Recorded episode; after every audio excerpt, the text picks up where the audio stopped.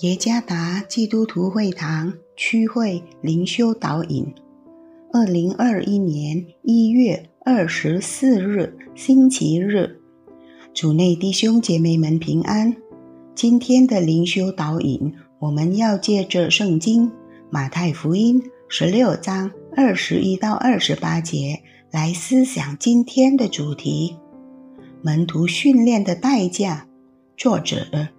陈顺安传道，马太福音十六章二十一到二十八节。从此，耶稣才指示门徒，他必须上耶路撒冷去，受长老、祭司长、文士许多的苦，并且被杀，第三日复活。彼得就拉着他，劝他说：“主啊，万不可如此。”这事必不临到你身上。耶稣转过来对彼得说：“撒旦，退我后边去吧！你是绊我脚的，因为你不体贴神的意思，只体贴人的意思。”于是耶稣对门徒说：“若有人要跟从我，就当舍己，背起他的十字架来跟从我。”因为凡要救自己生命的，必丧掉生命；凡为我丧掉生命的，必得着生命。人若赚得全世界，赔上自己的生命，有什么益处呢？人还能拿什么换生命呢？人子要在他父的荣耀里，同这众使者降临，那时候。他要照个人的行为报应个人。我实在告诉你们，站在这里的有人在没尝死味以前，必看见人子降临在他的国里。救赎是上帝所赐的恩典，就是我们可以相信并接受主耶稣基督成为个人的救主。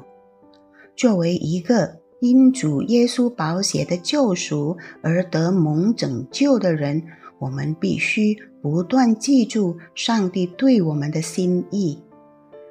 他的心意不仅仅要我们相信，而是成为越来越像他的门徒。跟随主耶稣有门徒训练的代价。今天的经文。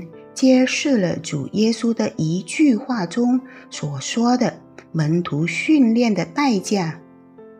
若有人要跟从我，就当舍己，背起他的十字架来跟从我。门徒训练的代价至少有三点，那就是舍己、背起十字架以及跟随他。第一点，舍己意味着拒绝回头看，也可以解释为从旧事物中离开，强烈拒绝、否认旧事物。这意味着罪恶或属肉体的事物，强烈或认真地拒绝。基督的门徒将被圣灵托住和坚固。以抗拒罪恶或属肉体的性欲。第二点，背起十字架。背起这个词是用来描述基督门徒从底层或地面上抬起来的态度。基督背起了十字架，这意味着他再次提高了他子民的整个生命。从子民最低、最卑微、堕落、败坏、无价值、羞愧的生命中，再一次被提高，带到天父宝座前，在与基督的合一里，门徒们从死亡的黑暗低谷被提到高处，经历恢复生命的转变。不再像与他之前在黑暗低谷时的情况一样，而是更像在上面的生活情况，也就是天堂的生活。这意味着像罪死了。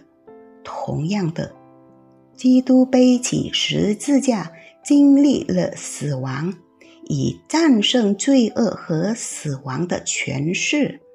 第三点，跟随基督。跟随这个词意味着加入一个跟随基督化生活风格、品格、态度，甚至方式像基督的基督门徒群体，不再是世界的生活风格、品格、态度和世界旧的方式。成为基督的门徒，门徒训练的代价。就是我们必须活出来的代价。在圣灵的引导下，我们一定能够，且被坚固和托住，来活出门徒训练的代价。那二者永不休止地诱惑我们，重新享受我们过去的罪恶、世界所有的乐趣，并再一次跟随那。二者的方式和心态，但是我们是已经被重价，也就是耶稣的宝血赎回的，仍要在基督里顺服与交托吧。即使试探一再的使我们远离基督，但是我们将始终受到圣灵的保护。并使我们定睛仰望基督。门徒训练所付的代价，使我们越来越像我们生命的救赎主基督耶稣。让我们继续不断地努力舍己，背起十字架，跟随基督。真实的基督门徒不仅信靠他，更是。透过日复一日地真正成为不断舍己、背起十字架，并真诚跟随他的门徒，主耶稣赐福。